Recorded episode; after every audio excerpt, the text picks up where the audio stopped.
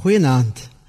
Die apostel Paulus sê in Romeine 15 vers 13: Mag God, die bron van hoop, julle deur julle geloof met alle vreugde en vrede vervul, sodat julle hoop al hoe sterker kan word deur die krag van die Heilige Gees.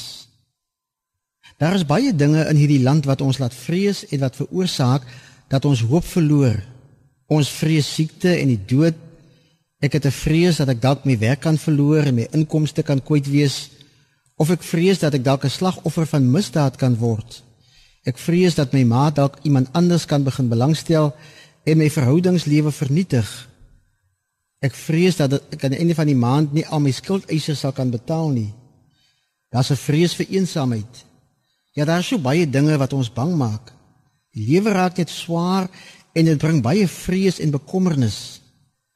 Vrees en bekommernis bring geen waarborge nie net angs en spanning en vertwyfeling, depressie en ander geestesiektes. Vrees is die siekte van ons tyd en dit is 'n verskriklike ding. Dit kan jou lewe verwoes. Dit kan jou hele lewe in beslag neem.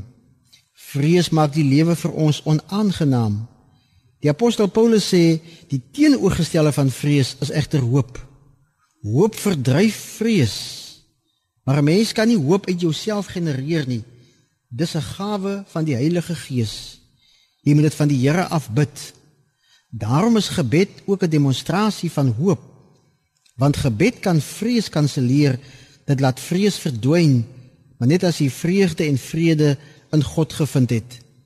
Dis wanneer ons bid, is dit nie maar net deel van 'n tradisie of deel van 'n daaglikse rotine nie. Ons bid omdat ons glo. Gebed is nie maar net 'n wens nie, maar dit is 'n demonstrasie van jou hoop in God. En nou sê die apostel Paulus vir die mense van Rome, mag God, die bron van hoop, julle vul met vreugde en vrede, want vrees neem ons lewensvreugde weg. Dit bring onvrede in ons harte. Gebed tot God sê ek bid dit waarvoor ek hoop. Ek bid nie hoe nie, nie waarom nie, maar tot wie? Ek bid tot die een aan wie ek behoort, tot die een wie sin ek is die een wat vir my hoop kan bring, die een vir wie ek lewe en vir wie ek volg. Paulus stel dus hoop teenoor vrees. In ons gebede vra ons God om teenwoordig te wees in ons lewens. Gebed is dus gemeenskap, interaksie, kommunikasie met God.